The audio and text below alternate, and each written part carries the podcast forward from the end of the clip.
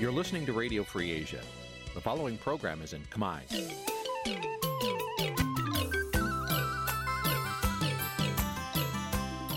Nǐ ជាកម្មវិធីផ្សាយ Vuthu Azizi Serai នេះជាកម្មវិធីផ្សាយរបស់ Vuthu Azizi Serai ជាភាសាខ្មែរ Vuthu Azizi Serai សូមស្វាគមន៍លោកអ្នកនាងទាំងអស់ពីរដ្ឋធានី Washington នៃសហរដ្ឋអាមេរិក ពីរដ្ឋធានី Washington នាងខ្ញុំសុជីវីសូមជម្រាបសួរ លោកអ្នកនាងអ្នកស្ដាប់វិទ្យុអាស៊ីសេរីទាំងអស់ជាទីមេត្រីយើងខ្ញុំសូមជូនកម្មវិធីផ្សាយសម្រាប់ព្រឹកថ្ងៃច័ន្ទ4រោចខែបោះឆ្នាំថោះបัญចស័កពុរសករាជ2567ចាប់ដែលត្រូវនៅថ្ងៃទី29ខែមករាគ្រិស្តសករាជ2024ជាដំបូងនេះសូមអញ្ជើញលោកអ្នកនាងស្ដាប់ព័ត៌មានប្រចាំថ្ងៃដែលមានមេត្តាដូចតទៅ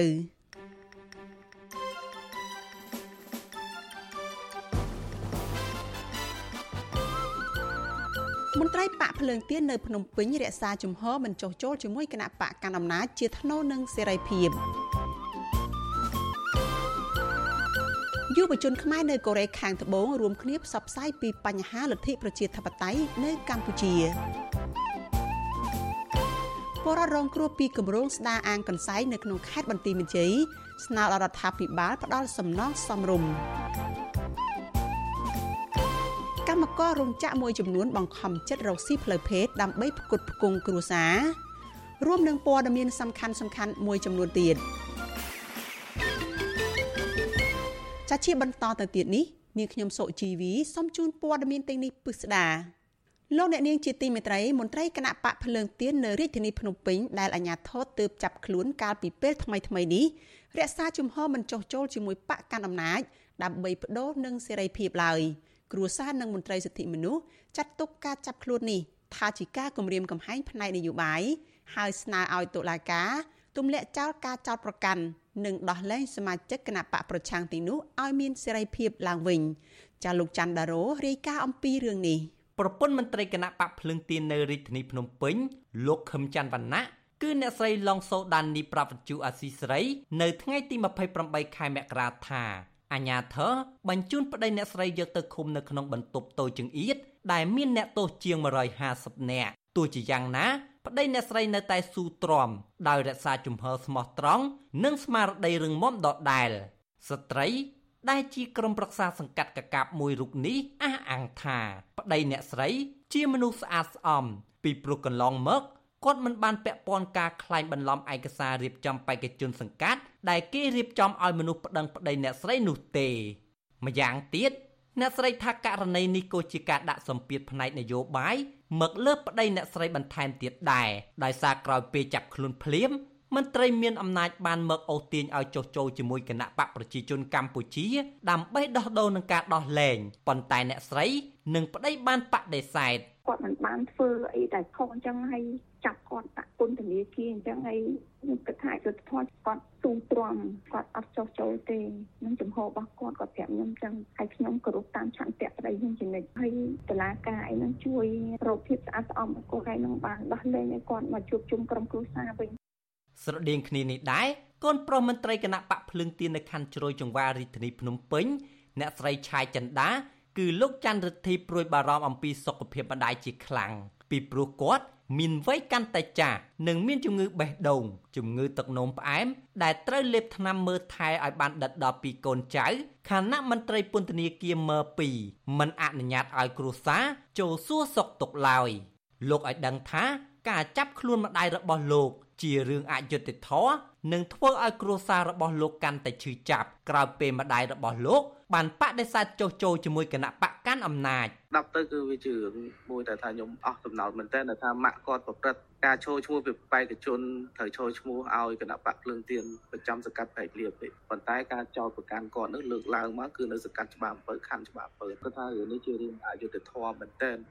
សមត្ថកិច្ចក្រុងភ្នំពេញបានចាប់ខ្លួនប្រធានស្ដីទីគណៈបកភ្លឹងទៀនប្រចាំរាជធានីភ្នំពេញនិងជាក្រុមប្រឹក្សាសង្កាត់កកាពីលោកខឹមច័ន្ទវណ្ណៈ រួមជាមួយប្រធានចលនាស្ត្រីគណៈបកភ្លឹងទៀននៅខណ្ឌជ្រោយចង្វាម្នាក់ទៀតគឺអ្នកស្រីឆាយចិន្តាកាលពីថ្ងៃទី15ខែមករា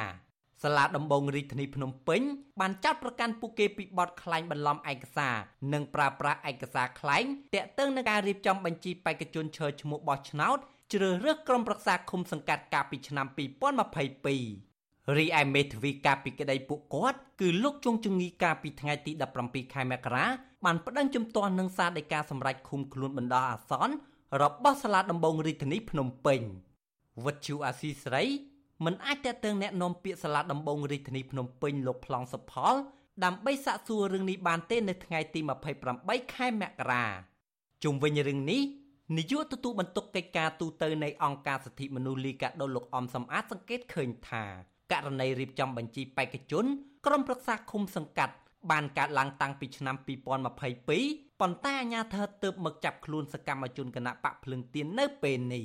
មន្ត្រីសិទ្ធិមនុស្សរូបនេះបារម្ភថាបរិយាកាសនយោបាយកាន់តែអាប់អួរនឹងធ្វើឲ្យកម្ពុជា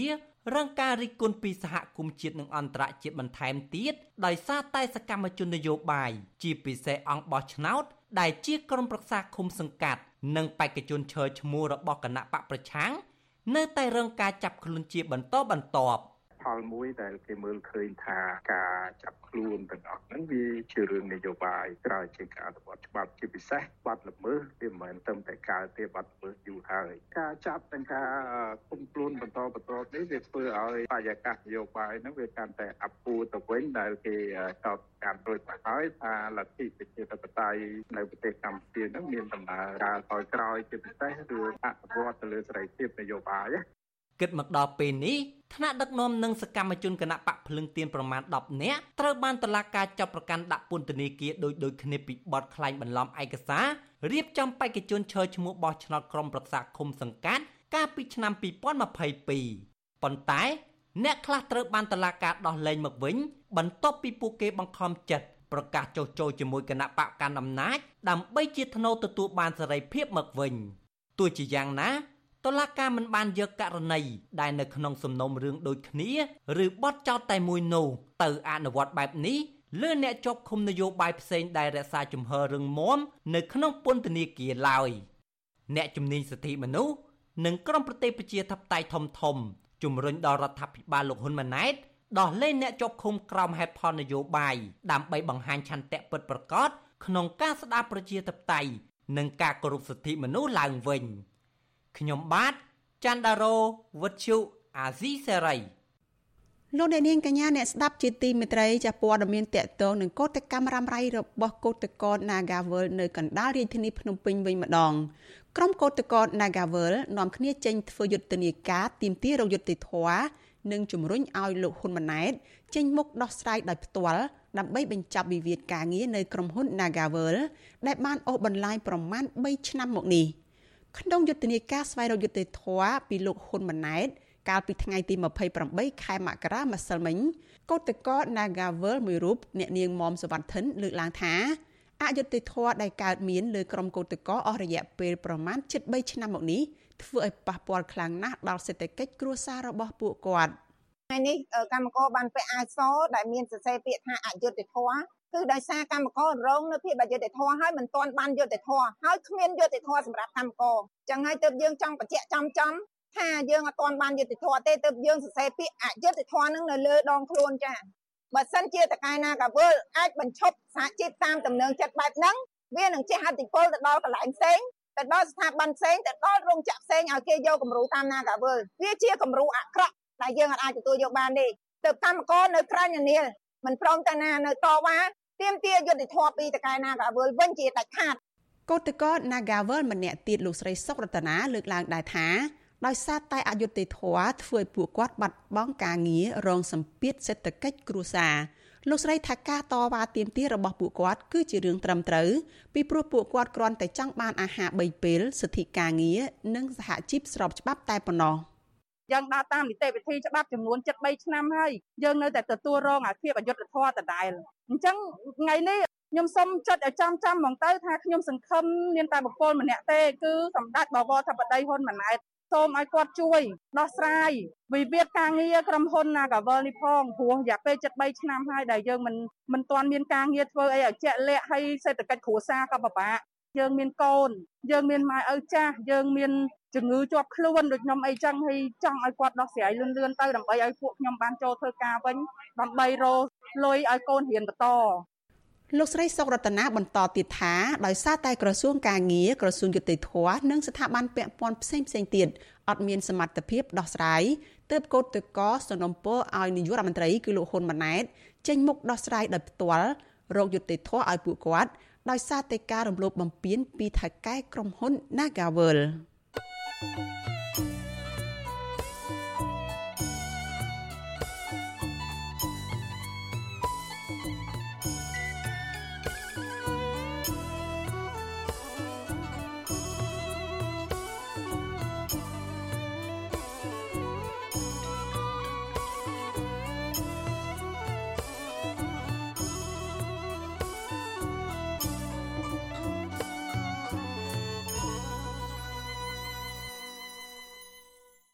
អ្នកនាងជាទីមេត្រីលោកអ្នកកំពុងស្ដាប់វិទ្យុអាស៊ីសេរីផ្សាយចេញពីរដ្ឋធានី Washington សហរដ្ឋអាមេរិកសេចក្តីរាយការណ៍ពីខេត្តបន្ទាយមានជ័យឯណោះឲ្យដឹងថាពលរដ្ឋជាង60គ្រួសារដែលរងផលប៉ះពាល់ពីគម្រោងស្ដារអាងកន្សែងនៅក្នុងខេត្តបន្ទាយមានជ័យស្នើដល់រដ្ឋាភិបាលឲ្យផ្ដល់សំណងសមរម្យចំពោះដីស្រែចម្ការរបស់ពួកគាត់ជាង100ហិកតា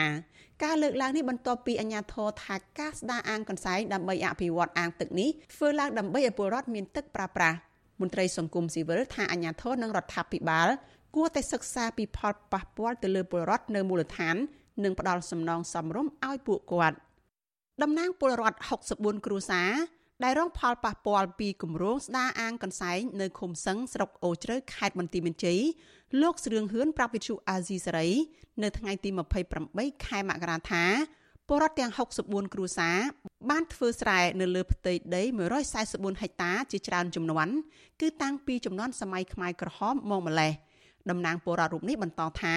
អញ្ញាធិបពុំបានផ្ដល់ដំណឹងពីផលប៉ះពាល់នៃការស្ដារអាងកន្សែងនេះឲ្យពលរដ្ឋបានដឹងនោះទេហើយធ្វើអាងពុកខ្ញុំក៏មិនដឹងរឿងដែរធ្វើអាងគេយកជាជនភូមិផ្សេងផ្សេងមកគេធ្វើអាង គេអត់តែម្ដាយធ្វើអាងតែជាជនដែលប៉ះពាល់គេអត់ប្រាប់ទេគេអត់ឲ្យដឹងទេដល់ឡាធ្វើហើយអីមួយថាសំសំណងឲ្យសំស្របអាចទទួលយកបានដល់ឡាធ្វើហើយអីមួយវាបានខ្លះគេគេឲ្យខ្លះដែលនុពុកខ្ញុំវា140បតានេះគេអត់ឲ្យសោះគេថាគេអត់សងទេថាដីរឹតលោកស្រឿងហ៊ឿនឲ្យដឹងទៀតថាពលរដ្ឋធ្លាប់បានដាក់ស្នើសុំសំណងពីអាជ្ញាធរភូមិឃុំស្រុករហូតដល់ខេត្តប៉ុន្តែអាជ្ញាធរលើកឡើងថា ដីដែលពួកគាត់អាស្រ័យផលចំនួន144ហិកតានោះជាដីរបស់រដ្ឋហើយការស្ដារអាងនោះគ្មានសំណងសម្រាប់ពួកគាត់ទេលោកស្រឿងហឿនបន្ថែមថាចាប់តាំងពីការស្ដារអាងកន្សែងនោះនៅក្នុងឆ្នាំ2017មកពលរដ្ឋទាំង64គ្រួសារមិនអាចធ្វើស្រែនៅលើដីរបស់ពួកគាត់បានទេហើយគ្រួសារមួយចំនួនបានបាត់បង់ប្រាក់ចំណូលនិងធ្វើចំណាក់ស្រុកទៅរកការងារធ្វើនៅប្រទេសថៃដោយទុកកូនតូចៗនៅជាមួយយាយតានៅឯស្រុក ពលរដ្ឋរងផលប៉ះពាល់ចំនួន64គ្រួសារកាលពីពេលថ្មីៗនេះបានជួបជុំគ្នានៅអាងកន្សែងនៅក្នុងឃុំសឹងស្រុកអូជ្រៅដើម្បីទាមទារឲ្យថ្នាក់ដឹកនាំរដ្ឋាភិបាលគឺលោកនាយរដ្ឋមន្ត្រីហ៊ុនម៉ាណែតផ្ដល់សំណងឲ្យពលរដ្ឋចំនួន64គ្រួសារឲ្យបានសមរម្យចំពោះផលប៉ះពាល់ពីគម្រោងស្ដារអាងកន្សែងនៅឃុំសឹងស្រុកអូជ្រៅនៅខេត្តបន្ទាយមានជ័យនេះ។ មេភូមិកណ្ដាលនៃឃុំសឹងលោកជីវតុកប្រាប់វិទ្យុអាស៊ីសេរីនៅថ្ងៃទី28ខែមករាថាតាមការវាស់វែងរបស់ក្រុមការងារអន្តរក្រសួងបង្ហាញថាដីចំនួន144ហិកតានោះជាដីបាតអាងកន្សែងដែលជាសម្បត្តិសាធារណៈរបស់រដ្ឋលោកបន្ថែមថាលោកធ្លាប់យកសំណើរបស់ពលរដ្ឋឡើងទៅដល់ថ្នាក់តំណាងរាស្ត្រប៉ុន្តែតំណាងរាស្ត្រអះអាងថាជាដីសម្បត្តិរដ្ឋហើយលោកក៏ត្រឡប់មកវិញ ដោយឡែកកាលពីថ្ងៃទី23ខែមករាកន្លងទៅអាជ្ញាធរស្រុកអូជ្រៅបានឃាត់ខ្លួនយុវតី2នាក់នៅស្រុកអូជ្រៅខេត្តបន្ទាយមានជ័យគឺកញ្ញាលៀមការីហ្វានិងកញ្ញាចិត្តស្រីចេនដែលកំពុងនៅក្លុបខាងក្រោយរថយន្តជាមួយនឹងក្រុមគ្រួសារនៅក្បែរកន្លែងតវ៉ា បន្ទាប់មកអាជ្ញាធរស្រុកអូជ្រៅបានឆែកឆេរទូរស័ព្ទរបស់ពួកគាត់ទាំងពីរនាក់រួចក៏បញ្ជូនខ្លួនទៅស្នងការដ្ឋាននគរបាលខេត្តបន្ទាយមានជ័យលុះដល់ថ្ងៃទី24ខែមករាអាជ្ញាធរខេត្តបន្ទាយមានជ័យក៏បានបញ្ជូនពួកគាត់ទាំងពីរនាក់ទៅសាលាដំបងខេត្តបន្ទាយមានជ័យសាលាដំបងខេត្តបន្ទាយមានជ័យបានដោះលែងយុវតីទាំងពីរនាក់មកវិញនៅថ្ងៃទី26ខែមករាក្រោយពីបានឃុំខ្លួនអស់រយៈពេល2យប់ស្របពេលដែលពលរដ្ឋរងគ្រោះដីធ្លីប្រមាណ70នាក់ ឡើងទៅតវ៉ាទាមទារឲ្យដោះលែងពួកគេនៅខាងមុខសាលាដំបងខេត្តបន្ទាយមានជ័យឪពុករបស់កញ្ញាលៀមការីហ្វាគឺលោកលៀមវុធី ប្រាប់វិទ្យុអាស៊ីសេរីនៅថ្ងៃទី28ខែមករាថានគរបាលនៃអធិការដ្ឋាននគរបាលស្រុកអូជ្រៅបានឆែកមើលទូរស័ព្ទកូនស្រីរបស់លោក ហើយរកឃើញថា កូនស្រីរបស់លោក បានចែករំលែកព័ត៌មានពីការតវ៉ាតាក់ទងនឹងការទាមទារប្រាក់សំណងរបស់ពលរដ្ឋ64គ្រួសារនោះ និងចោទប្រកាន់ថាកូនស្រីលោកនិងក្មួយស្រីម្នាក់ទៀតញុះញង់ឲ្យមានបទឧក្រិដ្ឋជាអាតដល់ ពេលណាយកទៅតុលាការហ្នឹងពលរដ្ឋទាំងភូមិដែលពាក់ព័ន្ធនឹងដីធ្លីអីហ្នឹងឯងមកទាំងអស់គ្នាសូមឲ្យដោះលែងអស់អីទៅអញ្ចឹងទៅតែមិនដឹងថាគេបញ្ជូនទៅតុលាការហ្នឹងគេនិយាយអីខ្លះបើខ្ញុំសួរកូនខ្ញុំផ្ទាល់ខ្លួនហ្នឹងវាថាអត់មានសួរនាំអីផងគ្រាន់តែប្រាប់ថាឲ្យយើងបំបែកគ្នាទៅគេនឹងដោះលែងបើយើងនៅតែតវ៉ាគេនឹងដាក់បន្ទុកយើងកាន់តែធ្ងន់អញ្ចឹងណា វិទ្យុអាស៊ីសេរីនៅមិនទាន់អាចតាក់ទងស្នងការនគរបាលខេត្តបន្ទាយមានជ័យលោកសិតឡោះនិងអ្នកនាំពាក្យសាលាដំបងខេត្តបន្ទាយមានជ័យលោករឿនលីណាដើម្បីសុំសួរពីការខាត់ខ្លួននិងសួរនាំនេះបាននៅឡើយទេ នៅថ្ងៃទី28ខែមករាប៉ុន្តែក្រោយពីបានដោះលែងយុវតីទាំងពីរនាក់កាលពីថ្ងៃទី27ខែមករា បានបង្ហោះវីដេអូនៅលើទំព័រ Facebook របស់កញ្ញាចិត្តស្រីចេនដោយនិយាយទម្លាក់កំហុសឲ្យខ្លួនឯងហើយបែរជាស្នើឲ្យពលរដ្ឋនៅឃុំសឹងបញ្ឈប់ការរារាំងអាជ្ញាធរពីការស្ដារអាងកន្សែងអាជ្ញាធរដែនដីបានប្រាប់នា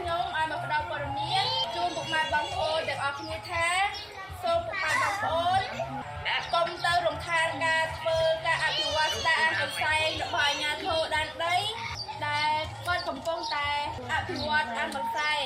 ហើយសូមពុកម៉ែបងប្អូនកុំធ្វើការជេរប្រមាថប្រើពាក្យសម្ដីមិនសមរម្យចំពោះសមត្ថកិច្ចដែលនាំឲ្យមានទោសដូចមានខ្ញុំទាំងពីរផ្ទុយពីការលើកឡើងនេះពលរដ្ឋរងផលប៉ះពាល់ពួកគាត់មិនបានរៀបរៀងនឹងការអភិវឌ្ឍរបស់រដ្ឋាភិបាលទេប៉ុន្តែពួកគាត់ថា នៅពេលមានការអភិវឌ្ឍសូមរដ្ឋាភិបាលទូទាត់សំណងដល់ពួកគាត់ឲ្យបានសមរម្យផងជុំវិញរឿងនេះ អ្នកគ្រប់គ្រងប្រចាំការិយាល័យអង្គការសិទ្ធិមនុស្សលីកាដូនៅខេត្តបន្ទាយមានជ័យលោកអិនគង្ជិតមានប្រសាសន៍ថាដីស្រែជាជីវិតរបស់ពលរដ្ឋលោកបន្ថែមថាការមិនផ្ដល់សំណងឬដោះដូរដីឲ្យពលរដ្ឋដែលរងផលប៉ះពាល់ពីគម្រោងស្ដារអាងកន្សែងនេះនឹងធ្វើឲ្យពួកគាត់ជួបវិបត្តិសេដ្ឋកិច្ចអាចនឹងធ្លាក់ខ្លួនក្រីក្រហើយចំណាក់ស្រុកទៅរកការងារធ្វើនៅក្រៅប្រទេស។ ក្នុងនាមសង្គមស៊ីវិលយើងសំណូមពរទៅរាជរដ្ឋាភិបាលហើយជាពិសេសអន្តរក្រសួង គួរតែផ្ដល់សំណងទៅឲ្យប្រជាពលរដ្ឋដែលគាត់អត់ទទួលបានសំណងដ៏សមរម្យមួយបើសិនជាមិនបានក្នុងតម្លៃទីផ្សារក៏ជាតម្លៃសមរម្យដែលក្រសួងសេដ្ឋកិច្ចហិរញ្ញវត្ថុអាចកំណត់បាន ទៅតាមច្បាប់អបសានមីកបាទ កាលពីចុងខែមិថុនាឆ្នាំ2021រដ្ឋបាលស្រុកអូជ្រៅខេត្តបន្ទាយមានជ័យបានស្រង់ទិន្នន័យផលប៉ះពាល់ពលរដ្ឋនៅឃុំសឹងស្រុកអូជ្រៅខេត្តបន្ទាយមានជ័យនិងបានអះអាងថាការស្ដារអាងកន្សែងនេះបានសិក្សាពីផលប៉ះពាល់ទៅលើពលរដ្ឋនិងបរិស្ថានបានពេញលេញគម្រោងស្ដារនិងពង្រីកអាងកន្សែងនេះគឺធំជាងអាងចាស់នៅក្នុងសម័យខ្មែរក្រហមចំនួន2ដង ដែលអាងចាស់មានទទឹង1គីឡូម៉ែត្រកន្លះនិងបណ្ដោយជិត2គីឡូម៉ែត្រទោះ ជាយ៉ាងណាពលរដ្ឋនិងសង្គមស៊ីវិលនៅតែទទូចដល់រដ្ឋាភិបាលឲ្យសិក្សាពីផលប៉ះពាល់ដល់ពលរដ្ឋនិងផ្ដល់សំណងឲ្យបានសមរម្យឬដោះដូរដីស្រែឲ្យពលរដ្ឋដើម្បីឲ្យពួកគាត់អាចមានរបរចិញ្ចឹមជីវិតបន្តទៅទៀត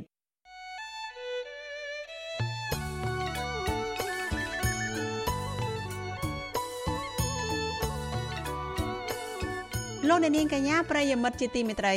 ដំណើរគ្នានឹងស្ដាប់ការផ្សាយផ្ទាល់របស់វិទ្យុអាស៊ីសេរី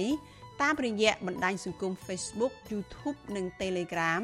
ចាលោកនាងក៏អាចស្ដាប់ការផ្សាយរបស់យើងតាមរយៈវិទ្យុរលកធាតុអាកាសខ្លីចាតាមកម្រិតនិងកម្ពស់ដូចតទៅនេះពេលព្រឹកចាប់ពីម៉ោង5កន្លះដល់ម៉ោង6កន្លះតាមរយៈ post SW 93.90 MHz ស្មើនឹងកម្ពស់ 32m និង post SW 11.85 MHz ស្មើនឹងកម្ពស់ 25m ពេលយប់ចាប់ពីម៉ោង7កន្លះដល់ម៉ោង8កន្លះតាមរយៈ post SW 93.30 MHz ស្មើនឹងកម្ពស់ 32m post SW 11.88 MHz ស្មើនឹងកម្ពស់ 25m និង post SW 15.15 MHz ស្មើនឹងកម្ពស់ 20m ចាសសូមអរគុណ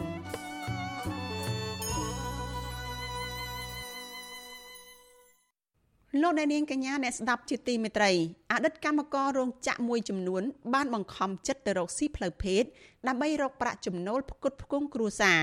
មន្ត្រីសង្គមស៊ីវិលលើកឡើងថាស្ត្រីរកស៊ីផ្លូវភេទភ ieck ច្រើន នៅតែរងការរើសអើងនិងការរំលោភបំពានខណៈអាជ្ញាធរមិនបានយកចិត្តទុកដាក់ការពារដល់ពួកគេ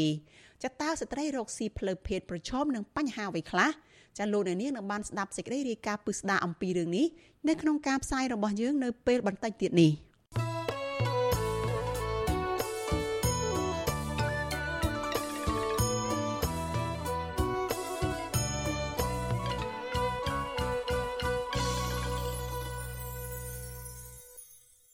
លោកអ្នកនាងជាទីមេត្រីសេចក្តីរាយការណ៍ពីខេត្តមណ្ឌលគិរីឯណោះឲ្យដឹងថាសហគមន៍ជនជាតិដើមភាគតិចភ្នងនៅខេត្តនេះស្នើទៅអាជ្ញាធរពាក់ព័ន្ធនៅថ្នាក់ជាតិឲ្យចុះទៅស្រាវជ្រាវរកជនល្មើសដែលរកស៊ីដឹកជញ្ជូនឈើទៅលក់នៅប្រទេសវៀតណាមដើម្បីយកមកផ្ដន្ទាទោសតាមច្បាប់ ហើយក៏ត្រូវអនុវត្តច្បាប់នៅក្នុងករណីនេះឲ្យបានតឹងរឹងមន្ត្រីអង្គការសង្គមស៊ីវិលជំរុញឲ្យអាជ្ញាធរពាក់ព័ន្ធទប់ស្កាត់បទល្មើសព្រៃឈើទាំងនោះឲ្យមានប្រសិទ្ធភាពចាលោកជីវិតារាយការណ៍អំពីរឿងនេះ។ សហគមន៍ជនជាតិដើមភាគតិចភ្នងរស់នៅជាប់ព្រំដែនកម្ពុជាវៀតណាមក្នុងស្រុកអូរៀងអះអាងថាព្រៃឈើនៅក្នុងតំបន់ការពារនានានៅក្នុងខេត្តមណ្ឌលគិរីនឹងត្រូវក្រុមឈ្មួញបន្តកាប់យកទៅលក់នៅវៀតណាមថែមទៀតប្រសិនបើអាជ្ញាធរថ្នាក់ជាតិគ្មានវិធានការទប់ស្កាត់នោះទេតំណាងសហគមន៍ជនជាតិដើមភាគតិចភ្នងនៅខេត្តមណ្ឌលគិរីលោកបូរិតកំពីប្រាប់វិទ្យុអាស៊ីសេរីនៅថ្ងៃទី28មករាថា អាញាធរពពាន់ថ្នាក់ក្រោមជាតិមិនបានអើពើចុះទប់ស្កាត់និងបង្ក្រាបបទល្មើសរត់ពន្ធឈើឆ្លងដែននោះទេផ្ទុយទៅវិញ លោកអះអាងថា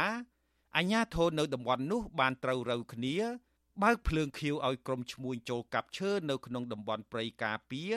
និងដឹកជញ្ជូនឈើមានតម្លៃទាំងនោះយកទៅលក់នៅប្រទេសវៀតណាមតាមច្រកព្រំដែនកងរ៉ាឡងស្ថិតនៅឃុំដាក់ដាំលោកបន្តថា ប្រសិនបើអាជ្ញាធរថ្នាក់ជាតិមិនព្រមអើពើនោះទេ ដើមឈើមានតម្លៃនៅក្នុងតំបន់ការពារទាំងឡាយនៅក្នុងខេត្តមណ្ឌលគិរីនឹងវិនិច្ឆ័យហិនហោចជាក់ជាមិនខានហើយប្រជាពលរដ្ឋក៏លែងមានជំនឿទៅលើរដ្ឋាភិបាលថែមទៀតដែរ ស្នើសុំឲ្យបញ្ឈប់ក្នុងការកាប់បំផ្លាញឬក៏កាប់ឈើលក់ឲ្យឲ្យយួនបាទហើយពិសេសរដ្ឋាភិបាលថ្មីនឹងគួរតែមានវិធានការទប់ស្កាត់ឲ្យបានទាន់ពេលវេលាគាត់មានកាតព្វកិច្ចនឹងទទួលកាតព្វកិច្ចនឹងទូនទីទូខុសត្រូវចំពោះការបង្ក្រាបបទល្មើសពួកគាត់មិនគួរបណ្តែតបណ្ដោយឬក៏ធ្វើមិនដឹងមិនលឺចឹងទេ អ្នកភូមិថាកន្លងទៅក្រុមឈ្មួញទាំងនោះបានប្រើប្រាស់គោយន្តដើម្បីដឹកឈើចេញពីព្រៃតំបន់ការពារ និងមានរថយន្តឡង់គ្រូសឺដឹកជញ្ជូនឈើបន្តឆ្លងដែននៅពេលយប់ឈើទាំងនោះ មានដូចជាស្រឡៅផ្ចឹកនិងសុក្រំជាដើមសហគមន៍ជនជាតិដើមភាគតិចភ្នងឲ្យដឹងបន្ថែមថាករណីកាប់ឈើនិងដឹកជញ្ជូនឈើចូលវៀតណាមនេះកើតឡើងសឹងតែរាល់ឆ្នាំ ជាពិសេសនៅចុងឆ្នាំ និងដើមឆ្នាំថ្មីម្ដងម្ដង ហើយទោះបីជាសហគមន៍តែងតែរាយការណ៍ទៅមន្ត្រីជំនាញក៏ដោយចុះ ក៏មិនឃើញមានវិធានការអ្វីនោះឡើយជុំវិញរឿងនេះអ្នកនាំពាក្យកងរាជអាវុធហត្ថលើផ្ទៃប្រទេសលោកអេងហ៊ីឲ្យដឹងថាលោកនឹងចាត់កម្លាំងជំនាញចុះទៅសិក្សាស្រាវជ្រាវនៅតំបន់នោះនៅពេលទទួលបានព័ត៌មាននេះអីទេបើបានព័ត៌មានអញ្ចឹងចាំមើលខ្ញុំឲ្យកម្លាំងគាត់រាយការណ៍តាមឋានានុក្រមឲ្យគាត់ចុះមើលទៅមកតាក់ទងនឹងរឿងនេះដែរ មន្ត្រីសម្របសម្រួលសមាគមការពារសិទ្ធិមនុស្សអាត6ប្រចាំខេត្តមណ្ឌលគិរីលោកប៊ីវ៉ានីសង្កេតឃើញថាបទល្មើសធនធានធម្មជាតិឆ្លងដែនកើតឡើងទៅបានដោយសារមន្ត្រីពាក់ព័ន្ធថ្នាក់ក្រោមជាតិមិនបានយកចិត្តទុកដាក់ទប់ស្កាត់និងមិនបានអនុវត្តទៅតាមច្បាប់ឲ្យបានត្រឹមត្រូវលោកបន្ថែមថារដ្ឋាភិបាលត្រូវចាត់ក្រុមអាជ្ញាធរថ្នាក់ជាតិចោះស្រាវជ្រាវចំពោះរឿងនេះដើម្បីស្វែងរកជនល្មើសនិងអ្នកជាប់ពាក់ព័ន្ធយកទៅផ្ដន្ទាទោសតាមច្បាប់ បើពុំដូច្នោះទេបទល្មើសនៅតែកើតមានឡើង ហើយបទបញ្ជារបស់នាយករដ្ឋមន្ត្រីក៏មិនបានការអ្វីដែរ អញ្ចឹងយើងមានច្បាប់រដ្ឋាភិបាលមានយន្តការដោះស្រាយប៉ុន្តែបើបុតបញ្ជាបរដ្ឋាភិបាលបញ្ជាមកអាជ្ញាធរថ្នាក់ក្រមជាតិរដ្ឋបាលថ្នាក់ក្រមជាតិមិនបានអនុវត្តទៅតាមបុតបញ្ជាឬក៏មិនយកច្បាប់ទៅអនុវត្តមិនបានបំពេញកាតព្វកិច្ចទៅតាមផ្លូវច្បាប់នឹងហើយដែលបុតល្មើសព្រៃឈើកាប់ឈើដោយខុសច្បាប់នឹងនៅតែបន្តកើតមានយើងត្រូវតែចាត់វិធានការផ្លូវច្បាប់ចំពោះអ្នកបំព្រឹត្តខុសច្បាប់ហើយអ្នកប្រព្រឹត្តខុសច្បាប់អត់មានអីថ្មីទេមុខដដែលដដែលហើយអ្នកឈ្មោះឈើក៏មុខដដែលកន្លងទៅអតីតនាយករដ្ឋមន្ត្រីកម្ពុជាលោកហ៊ុនសែន បានប្រកាសសន្យាដាក់ជីវិតរបស់លោកប្រសិនបើលោកការពីប្រៃឈើមិនបាននោះទេលោកថែមទាំងបានបញ្ជាឲ្យបាញ់រកែតកំទេចក្បួនដឹកឈើរបស់ក្រុមឈ្មួញទៀតផងប៉ុន្តែរយៈពេល20ឆ្នាំកន្លងមកនេះក្រុមអ្នកការពារធនធានធម្មជាតិនិងអង្គការអន្តរជាតិតែងតែរកឃើញថាមានការកាប់ព្រៃឈើធ្វើអាជីវកម្មយ៉ាងអនាធបត័យក្នុងនោះក៏មានជាប់ពាក់ព័ន្ធជាមួយក្រុមអុកញ៉ាមន្ត្រីជាន់ខ្ពស់ក្នុងជួររដ្ឋាភិបាល និងសាច់ញាតិរបស់គ្រួសារនាយករដ្ឋមន្ត្រីទៀតផងលើសពីនេះនាយករដ្ឋមន្ត្រីថ្មីលោកហ៊ុនម៉ាណែតក៏បានប្រកាសឲ្យស្ថាប័នពាក់ព័ន្ធទប់ស្កាត់បទល្មើសព្រៃឈើផងដែរទោះជាយ៉ាងណាក៏ដោយចុះពលរដ្ឋខ្មែរកំពុងរងចាំមើលលទ្ធផលជាក់ស្ដែងខ្ញុំជីវិតាអាស៊ីសេរីចលនានាងកញ្ញាជាទីមេត្រីចាព័ត៌មានតកតងនឹងខេត្តសៀមរាបវិញម្ដង ចាអាញាធរនៅខេត្តសៀមរាបបំភ្លឺទៅកាន់ពលរដ្ឋនៅតំបន់រុនតាឯកថាអាញាធរនឹងធ្វើរបាយការណ៍ទៅរដ្ឋាភិបាលអំពីការទៀមទាផ្ដាល់ប្រាក់បានសមត្ថៈដែលបានកាត់មកវិញសង្គមស៊ីវិលទទូចទៅរដ្ឋាភិបាល គួរធ្វើការសម្រេចចិត្តឲ្យបានឆាប់ឡើងវិញដើម្បីឲ្យពលរដ្ឋមានទំនុកចិត្តចាកញ្ញាខណ្ឌលក្ខណារាយការណ៍អំពីរឿងនេះ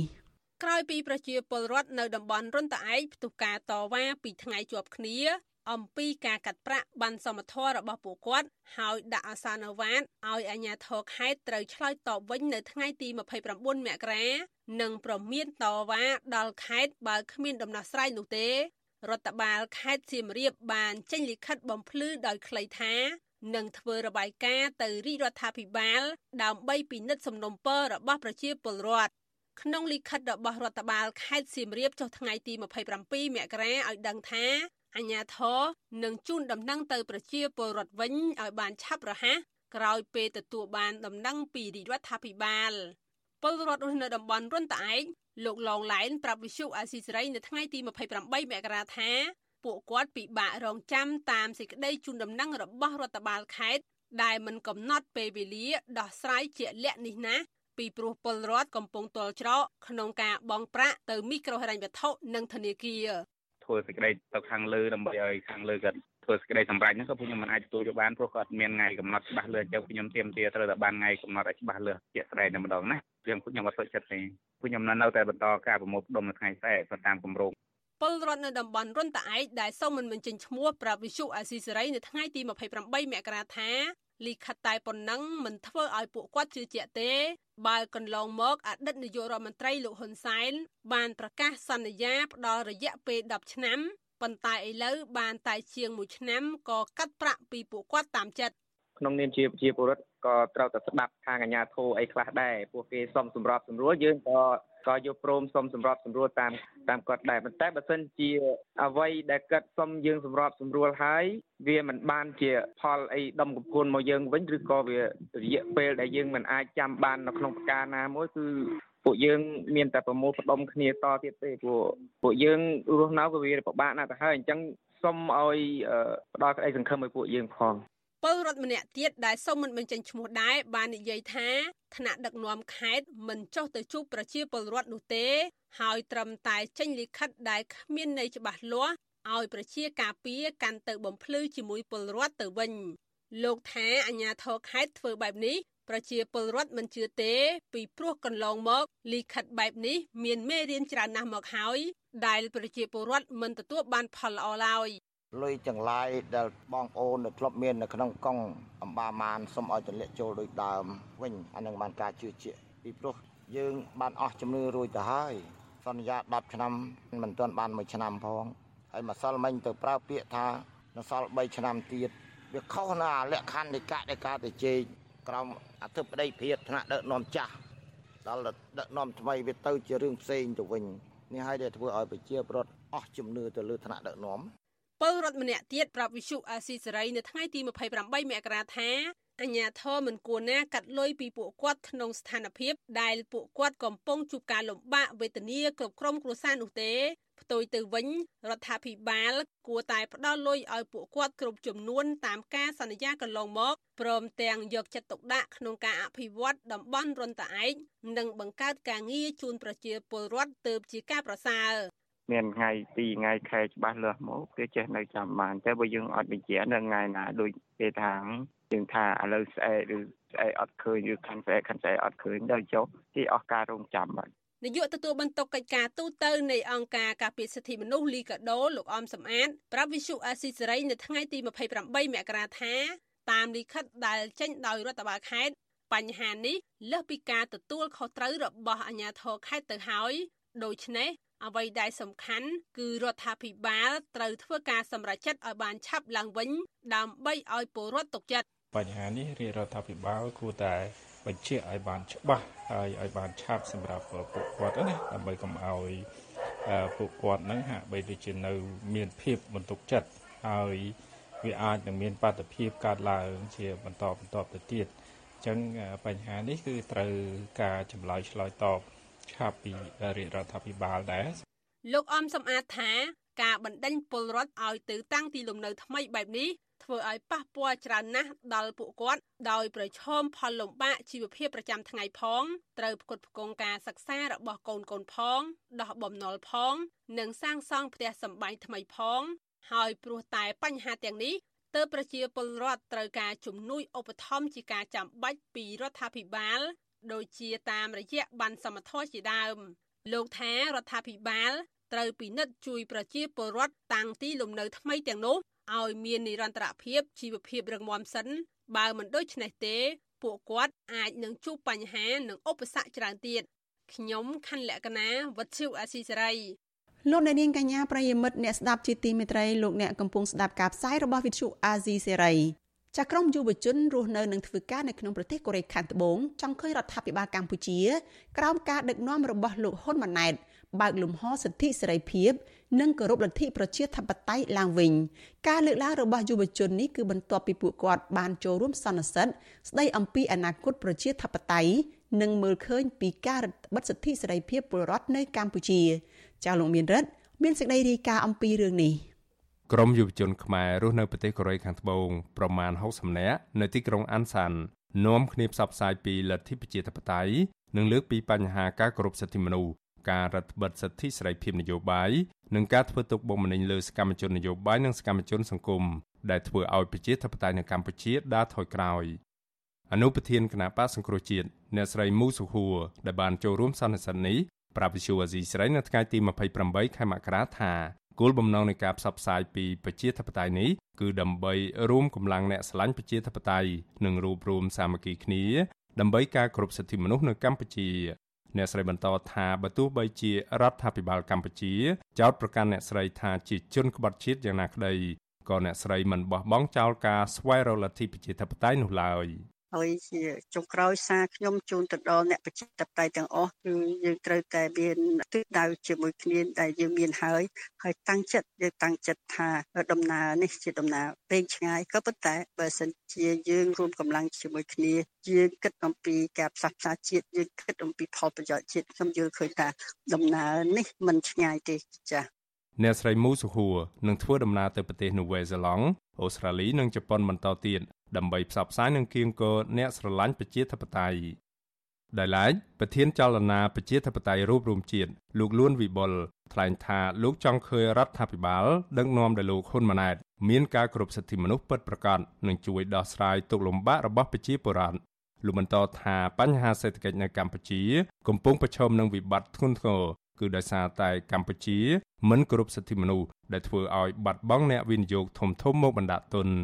យើងក៏លេចទៅមើលខាងក្រោយបន្តិចនៅពេលដែលមានវត្តមានគណៈបកសង្គ្រោះជាតិកាលពី2013 2017ហ្នឹងដែលគេអត់ទាន់រំលាយហ្នឹងគឺនៅស្រុកខ្មែរយើងទាំងសេដ្ឋកិច្ចក្តីទាំងការរៀងល្អប្រសើរយើងមិនថាល្អប្រសើរឥតខ្ចោះ100%ទេក៏ប៉ុន្តែល្អប្រសើរវាខុសពីឥឡូវក៏ប៉ុន្តែនៅពេលដែលគេរំលាយគណៈបកសង្គ្រោះជាតិទៅតំណាងរាស្ត្រក៏គាត់អត់មានអភ័យឯកសិទ្ធិក្នុងការចូលរួមធ្វើកិច្ចការដោះស្រាយបញ្ហារួមហ្នឹងអញ្ចឹងអាជីវភាពសេដ្ឋកិច្ចរបស់ប្រជាពលរដ្ឋហ្នឹងក៏ធ្លាក់ទៅតាមហ្នឹងហើយអាបញ្ហារំលោភសិទ្ធិមនុស្សគឺកាន់តែកើតឡើងអាក្រក់ឡើង វិសុវអាស៊ីស្រីមិនអាចតាក់ទងแนะនាំពាក្យគណៈបកប្រជាជនកម្ពុជា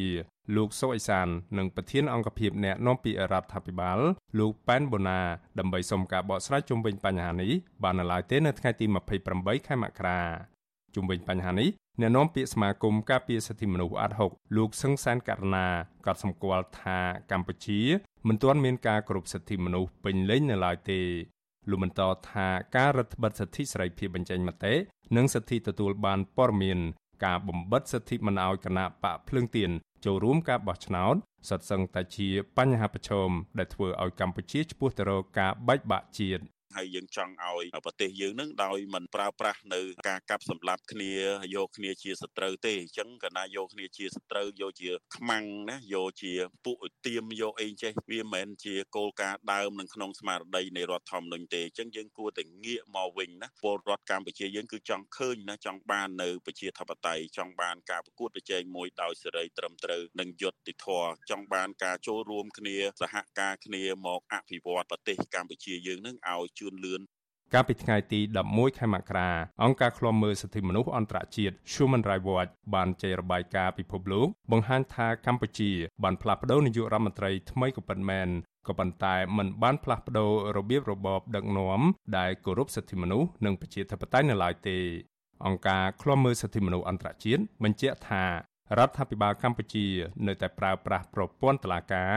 យាយីទៅលើអ្នករិះគន់ រារាំងគណៈបកភ្លើងទៀនមិនឲ្យចូលរួមការបោះឆ្នោតរដ្ឋបិទប្រព័ន្ធផ្សព្វផ្សាយឯករាជ្យនិងប្រើអំពើហិង្សាចាប់ចងក្រុមអ្នករិះគន់ឥតស្រាកស្រានជាដើមក្រមយុវជនខ្មែរនៅកូរ៉េខាងត្បូងនៅតែទទូចឲ្យរដ្ឋាភិបាលកម្ពុជាដែលដឹកនាំដោយលោកហ៊ុនម៉ាណែតស្ដារលទ្ធិប្រជាធិបតេយ្យឡើងវិញមានប្រព័ន្ធនយោបាយប្រជាធិបតេយ្យសេរីពហុបកនិងតឡាការឯករាជ្យពិតប្រាកដខ្ញុំបានមេរិត Visual Asia ស្រី ពីរដ្ឋធានី Washington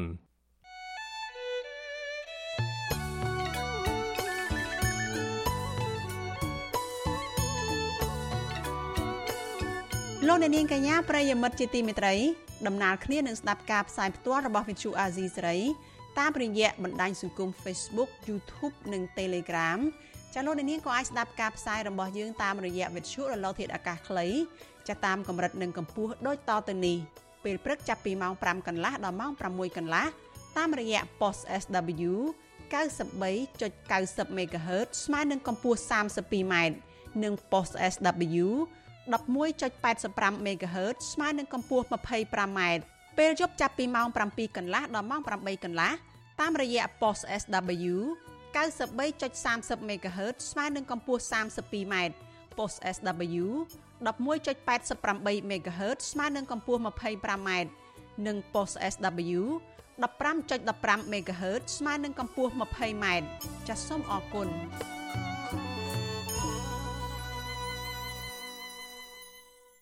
លោកអ្នកនាងកញ្ញាជាទីមេត្រីចាយើងមានសេចក្តីរាយការណ៍មួយទៀតតកតងនឹងតំបន់អង្គរនៅក្នុងខេត្តសៀមរាបដែរនោះគឺអង្គការមូលនិធិប្រាសាទពិភពលោករបស់សហរដ្ឋអាមេរិកបានចំណាយថវិកាជាង14លានដុល្លារសម្រាប់ការអភិរក្សនិងជួសជុលប្រាសាទបុរាណមួយចំនួននៅក្នុងរមណីយដ្ឋានអង្គរនៅក្នុងខេត្តសៀមរាបនេះក្រៅពីនេះអង្គការមួយនេះក៏បានបណ្ដុះបណ្ដាលអ្នកបច្ចេកទេសអភិរក្សប្រាសាទបានជាង100នាក់ផងដែរចាស់លោកមានរិទ្ធ មានសេចក្តីរាយការណ៍មួយទៀតអំពីរឿងនេះជូនលោកអ្នកនាងដូចតទៅអង្គការមូលនិធិប្រាសាទពិភពលោករបស់សហរដ្ឋអាមេរិកបានប្រារព្ធពិធីរំលឹកខួបលើកទី35ឆ្នាំនៃបេសកកម្មរបស់ខ្លួននិងធ្វើពិធីប្រគល់ការដ្ឋានប្រាសាទចំនួន3ដែលបានជួសជុលរួចរាល់ហើយនៅក្នុងរមណីយដ្ឋានអង្គរទៅឲ្យអាជ្ញាធរជាតិអប្សរាគ្រប់គ្រងវិញកាលពីរសៀលថ្ងៃទី26ខែមករា ការដ្ឋានប្រាសាទទាំង3ដែលត្រូវបានប្រគល់ទៅឲ្យអាជ្ញាធរជាតិអប្សរាគ្រប់គ្រងវិញនោះរួមមានប្រាសាទតាសោមប្រាសាទព្រះខ័ននិងរោងទងនៃចម្លាក់មហាសមុទ្រគោទឹកដោះរបស់ប្រាសាទអង្គរវត្តប្រធាននឹងជានាយកប្រតិបត្តិអង្គការមូលនិធិប្រាសាទពិភពលោក World Monument Fund អ្នកស្រី Benedict de Monlo ថ្លែងនៅក្នុងពិធីរំលឹកខួបលើកទី35ឆ្នាំនៃបេសកកម្មរបស់ខ្លួននោះថាក្នុងរយៈពេល35ឆ្នាំ អង្គការ World Monument Fund មិនត្រឹមតែសហការយ៉ាងជិតស្និទ្ធទៅលើការងារអភិរក្សនិងជួសជុលប្រាសាទបុរាណនៅកម្ពុជាឲ្យមានស្ថិរភាពឡើងវិញប៉ុណ្ណោះទេក៏ប៉ុន្តែអង្គការនេះថែមទាំងបានជួយបណ្ដុះបណ្ដាលធនធានមនុស្សឲ្យមានជំនាញអភិរក្សបេតិកភណ្ឌនិងបានប្រឹងប្រែងជួយទាមទារវត្ថុបុរាណនានាដែលបានបាត់បង់ក្នុងគ្រាដែលកម្ពុជាមានសង្គ្រាមស៊ីវិលឲ្យវិលត្រឡប់មកកម្ពុជាវិញផងដែរ អ្នកស្រី Benedict de Monlo មានប្រសាសន៍បន្តថាអង្គការ World Monument Fund បានចាប់ផ្ដើមការងារជួសជុលប្រាសាទនៅរមណីយដ្ឋានអង្គរចាប់តាំងពីឆ្នាំ1989ដែលមានបេសកកម្មចុះដល់ទីតាំងផ្ទាល់ដើម្បីវាតម្លៃស្ថានភាពរបស់ប្រាសាទដើម្បីឆ្លើយតបតាមការស្នើសុំរបស់អតីតព្រះមហាក្សត្រសម្ដេចព្រះបាទនរោត្តមសីហនុហើយអង្គការមូលនិធិប្រាសាទពិភពលោក ក៏បានបង្កើតកម្មវិធីអភិរក្សនិងបណ្ដុះបណ្ដាលជំនាញជួសជុលនិងអភិរក្សដ៏ទូលំទូលាយជួយបំពេញបន្ថែមទៅលើកិច្ចខិតខំប្រឹងប្រែងរបស់សាកលវិទ្យាល័យភូមិន្ទវិចិត្រសិល្បៈដែលទើបនឹងបើកឡើងវិញផងដែរឆ្នាំ1991ក្នុងពេលដែលប្រធានអង្គការ World Monument Fund ធ្វើទស្សនកិច្ចលើដំបងមកកាន់អង្គរគឺជាចំណុចចាប់ផ្ដើមនៃកិច្ចសហប្រតិបត្តិការដ៏ធំធេងនិងនិរន្តរភាពរវាងអង្គការនេះជាមួយរដ្ឋាភិបាលកម្ពុជា រដ្ឋមន្ត្រីក្រសួងវប្បធម៌និងវិចិត្រសិល្បៈអ្នកស្រីភឿងសក្កណាមានប្រសាសន៍ថាអាញាធរជាតិអប្សរានឹងបន្តថែរក្សាប្រាសាទទាំង3ដែលអង្គការមូលនិធិប្រាសាទពិភពលោកបានជួយជួសជុលរួចរាល់នេះហើយកម្ពុជានឹងចងចាំជារៀងរហូតនៅក្នុងការចូលរួមចំណាយជួយការពារបេតិកភណ្ឌជាតិរបស់កម្ពុជា អ្នកស្រីបន្តថាកម្ពុជាក៏រងចាំបន្តធ្វើការជាមួយអង្គការមូលនិធិប្រាសាទពិភពលោកក្នុងវិស័យជាច្រើនទៀតមានដូចជាការផ្លាស់ប្តូរជំនាញស្តីពីការអភិរក្សវេទិកាយុវជនសម្រាប់ការគ្រប់គ្រងបេតិកភណ្ឌការស្រាវជ្រាវផ្នែកបុរាណវិទ្យា និងសិក្ខាសាលារួមគ្នា ដើម្បីចែករំលែកបទពិសោធន៍ជាដើមក្នុងរយៈពេល35ឆ្នាំមកនេះអង្គការមូលនិធិប្រាសាទពិភពលោក World Monument Fund របស់សហរដ្ឋអាមេរិក មិនត្រឹមតែបានជួយជួសជុលប្រាសាទព្រះខ័នប្រាសាទតាសោមនិងរោងទងនៃចម្លាក់មហាសមុទ្រកូទឹកដោះរបស់ប្រាសាទអង្គរវត្តតែប៉ុណ្ណោះទេអង្គការនេះថែមទាំងបានជួយជួសជុលចណ្ដារផ្នែកខាងជើងរបស់ប្រាសាទព្រះវិហារនិងកំពុងជួសជុលប្រាសាទភ្នំបាក់ខែងផងដែរកាលពីដើមខែធ្នូឆ្នាំ2023សហរដ្ឋអាមេរិកបានផ្តល់ជំនួយ45ម៉ឺនដុល្លារតាមរយៈអង្គការមូលនិធិប្រាសាទពិភពលោក សម្រាប់ការងារអភិរក្សវប្បធម៌និងគម្រោងជួសជុលប្រាសាទភ្នំបាក់ខែងដំណាក់កាលទី7ប្រធានអង្គការ World Monument Fund ឲ្យដឹងថាចាប់តាំងពីឆ្នាំ1992មកអង្គការនេះបានផ្ដល់ទឹកប្រាក់ចំនួន14លាន6សែនដុល្លារសម្រាប់ការងារអភិរក្សនិងជួសជុលប្រាសាទនានាក្នុងតំបន់សៀមរាបព្រមទាំងបានបណ្ដុះបណ្ដាលអ្នកបច្ចេកទេសអភិរក្សសរុបជាង100នាក់ដើម្បីណែនាំបន្តដល់កូនជាងវ័យក្មេងទៀតផងខ្ញុំបានមេរិត Visual Asia ស្រីពីរដ្ឋធានី Washington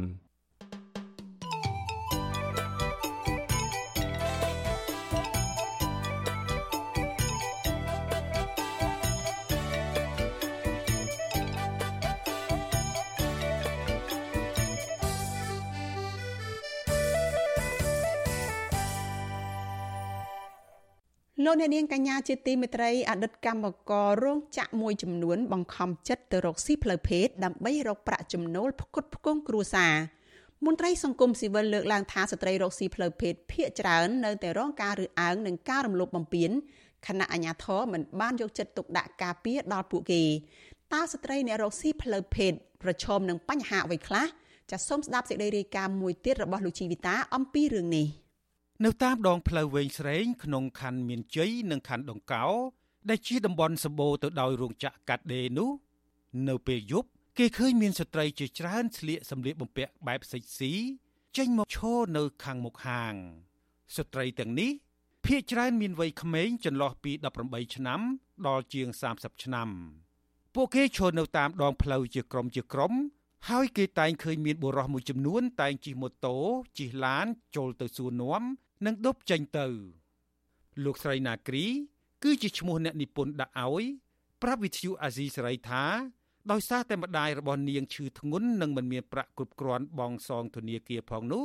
លោកស្រីបានឈប់ធ្វើការងាររោងចក្រនិងបង្ខំចិត្តរកស៊ីផ្លូវភេទកាលពីចុងឆ្នាំ2023លោកស្រីបន្តថា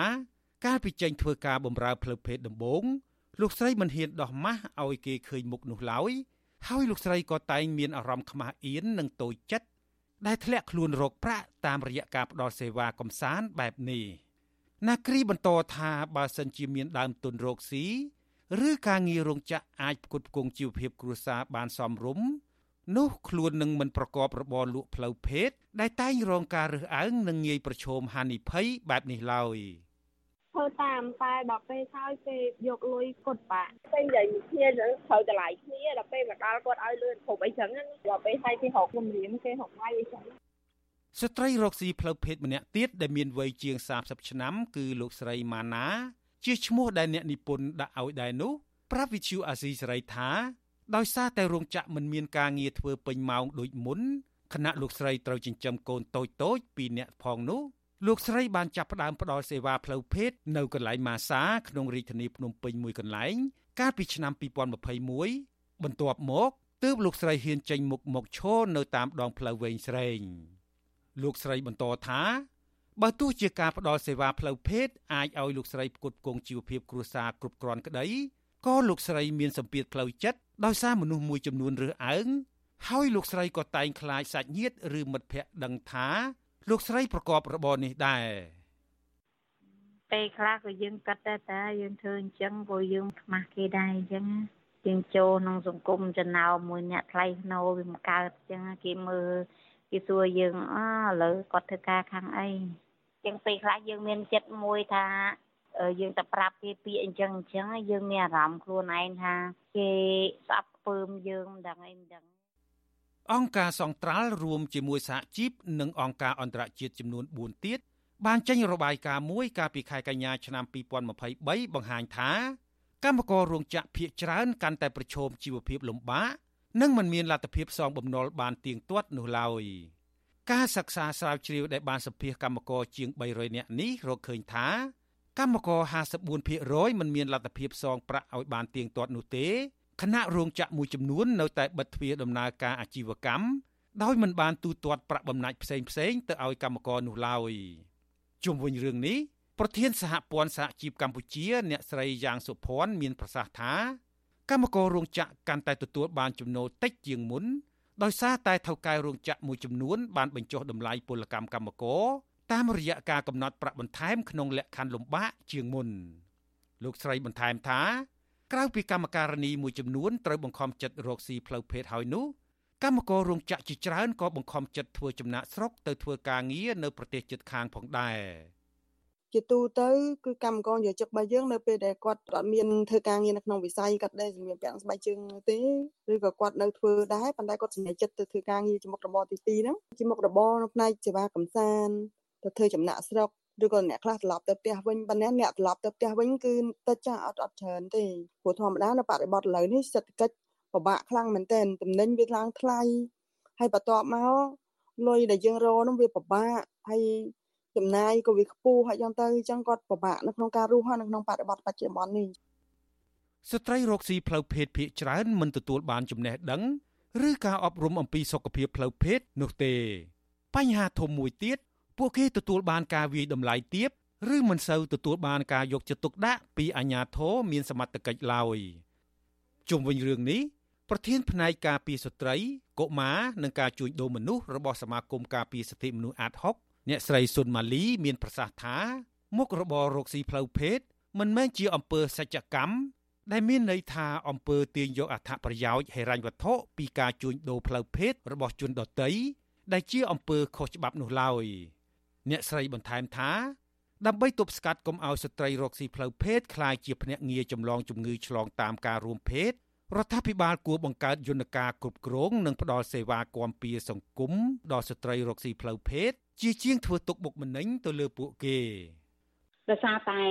ការផ្ដល់សេវារបស់គាត់នឹងវាមានមនុស្សចម្រុះប្រឈមដំបូងគឺការរោគអេដហើយនឹងហិង្សាផ្លូវភេទផ្សេងៗនៅរំលោភបែបកំរោលរបស់មនុស្សប្រុស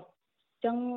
រដ្ឋយើងគួរតែពិចារណាទៅលើសេវាសុខភាព ដែលមានការផ្ដល់ដោយបើកចំហចំពោះស្ត្រីដែលគាត់ធ្វើការវិស័យកំសាន្តបែបនោះដោយមិនយកប្រាក់កម្រៃហើយទទួលយកដោយក៏ free ហើយគឺគ្មានការរើសអើងបានន័យថាទាំងគ្រូពេទ្យទាំងអ្នកទទួលទាំងអ្នកបញ្ជូនទាំងអ្នកប្រឹក្សាយោបល់គាត់សូមទទួលយកថានេះមិនមែនជាអំពើដែលថោកទាបទេ អ្នកស្រីសុនម៉ាលីបន្តថា ដោយសារតែអាញាធមមិនបានផ្ដល់តម្លៃនិងយកចិត្តទុកដាក់គ្រប់គ្រាន់ធ្វើឲ្យស្ត្រីរកស៊ីផ្លូវភេទជាច្រើននៅតែប្រឈមការរងសម្ពាធផ្លូវចិត្តនិងការរំលោភបំពានផ្លូវកាយធ្ងន់ធ្ងរអ្នកស្រីបន្តថាបើទោះជាពេលខ្លះស្ត្រីរកស៊ីផ្លូវភេទរងការរំលោភបោកក្តីក៏ពួកគេមិនហ៊ានប្តឹងផ្ដាល់ទាមទាររកយុត្តិធម៌ឡើយវិទ្យុអាស៊ីសេរីមិនអាចតាក់ទងแนะនាំពាក្យក្រសួងកិច្ចការនារីអ្នកស្រីសស៊ីណែត ដើម្បីសុំការបកស្រាយជុំវិញរឿងនេះបានទេ នៅថ្ងៃទី28មករាក្រៅពីឈរតាមដងផ្លូវវែងស្រេងអតីតកម្មការនីរោងចក្រមួយចំនួនទៀតក៏បានបង្ខំចិត្តប្រកបរបររកស៊ីផ្លូវភេទជ្រកក្រោមស្លាកហាងម៉ាសាផងដែរក្រមស្ត្រីរកស៊ីផ្លូវភេទលើកឡើងថាបើសិនជាការងាររោងចក្រមានគ្រប់គ្រាន់និងអាចផ្ដល់ប្រាក់ខែឲ្យពួកគេសមរម្យអាចផ្គត់ផ្គង់គ្រួសារបាននោះ ពួកគេនឹងមិនប្រកបរបររកស៊ីផ្លូវភេទដោយសពថ្ងៃនេះឡើយខ្ញុំជីវិតាអាស៊ីសេរី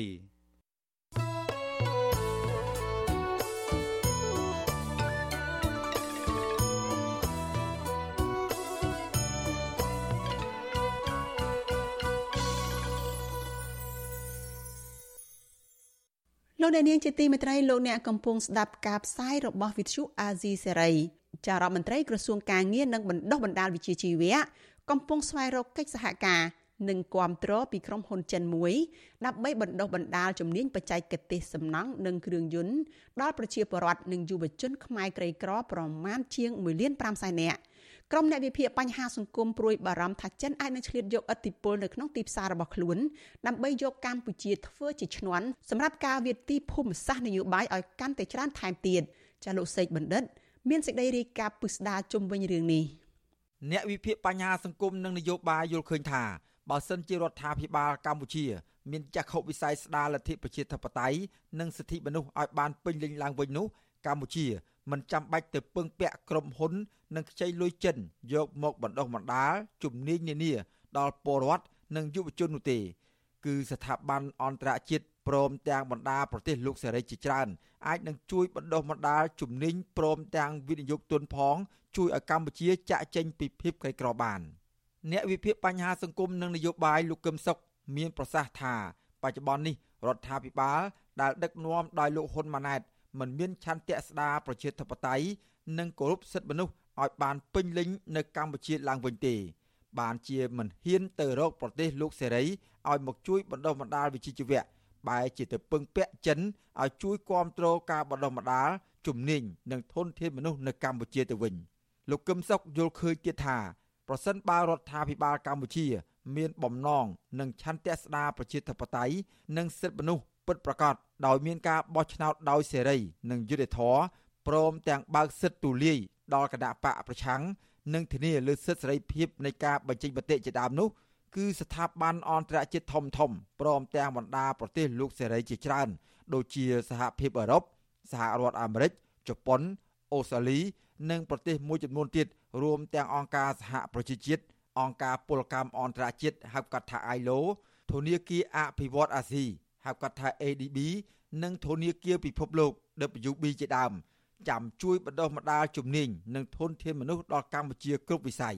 គេមានគម្រោងជួយច្រើនបណ្ដុះបណ្ដាលវិជ្ជាជីវៈនៅក្នុងក្របខ័ណ្ឌនិងគ្រប់វិស័យដែលកម្ពុជាយើងត្រូវការណាហើយយើងមិនចាំបាច់ខ្វល់ខ្វាយទៅខ្ចីលុយចិនទៅអង្វរចិនឲ្យមកបណ្ដុះបណ្ដាលផងហើយប្រទេសលោកសេរីប្រជាធិបតេយ្យគេមិនមែនត្រៀមត្រឹមតែជួយបណ្ដុះបណ្ដាលទេបើយើងមានប្រជាធិបតេយ្យគេត្រៀមនឹងបង្ហូរទុននៅក្នុងការពង្រឹងនិងពង្រីកការវិនិយោគនៅប្រទេសកម្ពុជាលើជំនាញដែលគេគ្រោងបណ្ដុះបណ្ដាលដល់ប្រជាពលរដ្ឋខ្មែរទៀត ការលើកឡើងរបស់អ្នកវិភាគបញ្ហាសង្គមនិងនយោបាយនេះខណៈដែលក្រសួងការងារនិងបណ្ដុះបណ្ដាលវិជ្ជាជីវៈបានស្នើសុំកិច្ចសហប្រតិបត្តិការនិងការគ្រប់គ្រងពីក្រុមហ៊ុនចិនមួយចំនួនដូចជាក្រុមហ៊ុន Huanan Construction Investment Group ជាដើមដើម្បីឲ្យជួយពង្រឹងបណ្ដុះបណ្ដាលបច្ចេកទេសសំណង់និងគ្រឿងយន្តដល់ពលរដ្ឋនិងយុវជនកម្ពុជា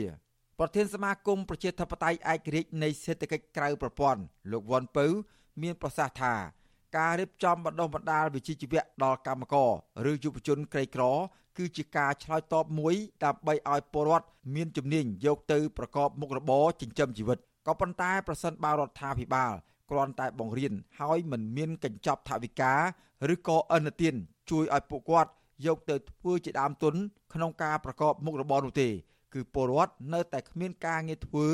ហើយវានៅតែជាបញ្ហាចោទដដែល ខ្ញុំគិតថាបើរៀនហើយយកកម្មករសម្រាប់ខ្លួនឯងហើយឲ្យប្រាក់ខែច្រើនរស់នៅសមរម្យផ្ដល់សិទ្ធិកម្មករអាហ្នឹងគិតថាជារឿងប្រសើរជាពិសេសផ្ដល់សិទ្ធិការសហជីពឯករាជ្យការពារប្រជាកម្មកររូបសិទ្ធិកម្មករលក្ខខណ្ឌការងារសមរម្យល្អអាហ្នឹងគឺជារឿងប្រសើរតែបើរៀនហើយយកអ្នកទាំងអស់ហ្នឹងគឺជាបុគ្គលិករបស់ខ្លួនហើយឲ្យប្រាក់ខែមិនគ្រប់គ្រាន់លក្ខខណ្ឌការងារមិនល្អមិនគោរពសិទ្ធិកម្មករមិនគោរពសហជីពអាហ្នឹងគឺជារឿងដែលគួរឲ្យសោកស្ដាយទៅវិញទេ ចំណែកប្រធានសហភាពការងារកម្ពុជា លោកអាត់ធុនយល់ថាការដែលអ្នកជំនាញចិនចូលរួមបណ្ដុះបណ្ដាលធនធានមនុស្សនៅកម្ពុជា គឺជាការល្អពីព្រោះតែបច្ចុប្បន្នកម្មករនិងពលរដ្ឋខ្មែរភាគច្រើនមិនទាន់មានជំនាញអ្វីច្បាស់លាស់នៅឡើយទេក៏ប៉ុន្តែកម្មករនិងយុវជន ដែលមកពីគ្រួសារក្រីក្រភាគច្រើនអាចពិបាកនឹងចូលរួមណាស់ដោយសារតែពួកគាត់ខ្វល់ពីការដោះស្រាយជីវភាពប្រចាំថ្ងៃច្រើនជាងការយកពេលទៅរៀនសូត្រ លោកអាត់ធុនជំរុញឲ្យក្រសួងការងារឬរដ្ឋាភិបាលផ្ដល់ជំនួយឧបត្ថម្ភដល់ក្រុមកម្មករនិងយុវជន ដែលចេញពីគ្រួសារក្រីក្រទាំងនោះដើម្បីឲ្យពួកគាត់មានពេលទៅរៀនសូត្របានពេញលេញ។បើសិនជាផ្ដល់ជំនាញគួរផ្ដល់ថវិកាឲ្យគាត់បានរៀនហើយបានពេញលេញព្រោះឥឡូវហ្នឹងកម្ពុជាយើងមិនសូវមានជំនាញទេប៉ុន្តែពេលបច្ចុប្បន្ននេះយើងដឹងហើយថា កម្មករដែលកំពុងធ្វើការកំពុងតែអត់ការងារធ្វើហើយនៅពេលដែលឲ្យគាត់ទៅធ្វើទៅបដោះបដាលហ្នឹងគឺថាពិបាកព្រោះគាត់អត់មានលុយរឿងទី1រឿងទី2ផ្នែកកម្មវិធីបរិវត្តតែគេមានឧបត្ថម្ភចំពោះអ្នកមានបានក្រីក្រហើយអ្នកដែលមានបានក្រីក្រហ្នឹងគាត់ក៏ពិបាកដែរអញ្ចឹងក៏បាននឹងមានការចូលរួមអញ្ចឹងទោះយ៉ាងណាវិទ្យុអាស៊ីសេរីនៅពុំទាន់អាចសុំការអធិប្បាយពីអ្នកនាំពាក្យក្រសួងកាងារនិងបណ្ដុះបណ្ដាលវិជ្ជាជីវៈលោកកតាអនបាននៅឡើយទេ នៅថ្ងៃទី27ខែមករា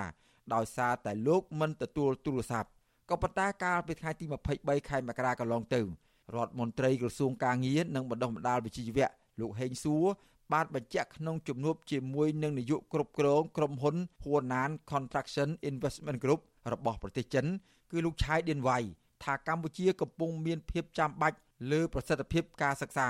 ការជួយកែលម្អការបណ្ដុះបណ្ដាលគ្រូបង្គោលនិងការពង្រឹងគុណភាពសមត្ថភាពតាមរយៈកម្មវិធីបណ្ដុះបណ្ដាលបច្ចេកទេសផ្នែកសំណង់និងគ្រឿងយន្តដល់យុវជនចំនួន1លាន5សែននាក់ដែលមកពីគ្រួសារក្រីក្រនិងងាយរងគ្រោះអ្នកសិក្សាកិច្ចការសង្គមនិងនយោបាយលោកប៉ៅមករាយល់ឃើញថាការដែលកម្ពុជាពឹងពាក់ចិនឲ្យមកជួយបណ្ដុះបណ្ដាលវិជ្ជាជីវៈពិតប្រាកដគឺវាមានសារៈសំខាន់ណាស់សម្រាប់យុវជន កម្មករកម្មការិនីនិងពលរដ្ឋខ្មែរទូទៅក៏ប៉ុន្តែអ្វីដែលលោកបារម្ភនោះគឺខ្លាចក្រែងតែចិនអាចយកឱកាសនេះទៅពង្រីកសេដ្ឋកិច្ចរដ្ឋាភិបាលរបស់ខ្លួន និងបង្កើនឥទ្ធិពលគ្របដណ្ដប់លើកម្ពុជា ដើម្បីភាពចំណេញលើការវិទីភូមិសាស្ត្រនយោបាយរបស់ខ្លួនទៅវិញ។ ពីព្រោះចិនជាទូទៅកាលណារាប់អានជាមួយនឹងប្រទេសដែលមានប្រព័ន្ធនីតិរដ្ឋនឹងខ្សោយសេដ្ឋកិច្ចនឹងខ្សោយវាធ្វើឲ្យប្រទេសដែលរាប់អានហ្នឹងវាខាតបង់ប្រយោជន៍យើងឃើញកន្លងមកចិនជួយគ្រប់ផ្នែកដូចជួយសាងពលានយន្តហោះនៅសៀមរាបជួយធ្វើផ្លូវលបឿនលឿនជួយសាងកំពង់ផែសមុទ្ររៀមអីប៉ុន្តែទន្ទឹមនឹងការកសាងការជួយទាំងអស់ហ្នឹងចិនបែរទៅជាផលិតរឿងមួយដែលបង្ខូចកេរ្តិ៍ឈ្មោះរបស់កម្ពុជាទៅវិញអាហ្នឹងវាថាការរាប់អានការជួយហ្នឹងវាមិនស្មោះត្រង់វាមិនផ្ដល់ភាពត្រឹមត្រូវក្នុងទំនាក់ទំនងមិត្តដៃថែបហ្នឹងបាទរបាយការណ៍របស់ក្រសួងការងារនិងបណ្ដុះបណ្ដាលវិជ្ជាជីវៈឲ្យដឹងថាបច្ចុប្បន្ននេះកម្ពុជាមានរោងចក្រសហគ្រាសទាំងអស់ជាង40000ដែលមានកម្មករនិយោជិតសរុបជាង1លាន7សែននាក់កំពុងបម្រើការងារក្រុមកម្មករដែលកំពុងបម្រើការងារក្នុងរោងចក្រសហគ្រាសទាំងនោះភាគច្រើនមានជំនាញនិងបច្ចេកទេសខ្សត់ខ្សោយហើយទទួលបានប្រាក់ឈ្នួលប្រចាំខែតិចតួចមិនសមរម្យនៅឡើយ។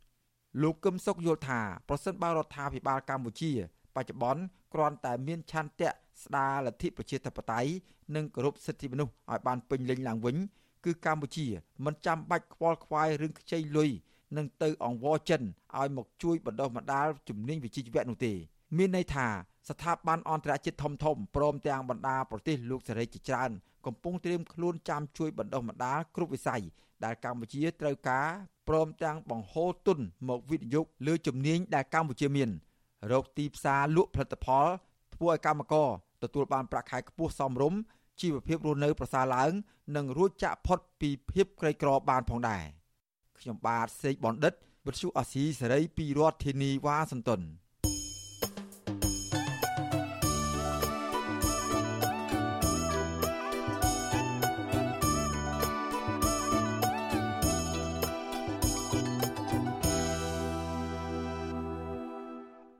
លោកអ្នកនាងកញ្ញាប្រិយមិត្តអ្នកស្ដាប់ជាទីមេត្រីការផ្សាយរយៈពេល1ម៉ោងរបស់វិទ្យុអាស៊ីសេរីជាភាសាខ្មែរនៅព្រឹកនេះចាប់ត្រឹមតែប៉ុណ្ណេះនាងខ្ញុំសូជីវីព្រមទាំងក្រុមការងារទាំងអស់របស់វិទ្យុអាស៊ីសេរីចាសសូមអរគុណដល់លោកអ្នកនាងកញ្ញានិងក្រុមគ្រួសារទាំងអស់ដែលតែងតែតាមដានការផ្សាយរបស់យើងយើងខ្ញុំសូមជូនពរដល់លោកអ្នកនាងកញ្ញានិងក្រុមគ្រួសារសូមប្រកបតែនឹងសេចក្តីសុខសុភមង្គលនិងសុខភាពល្អកុំបីឃ្លៀងឃ្លាតឡើយចា៎នាងខ្ញុំសូមអរគុណនិងសូមជម្រាបលា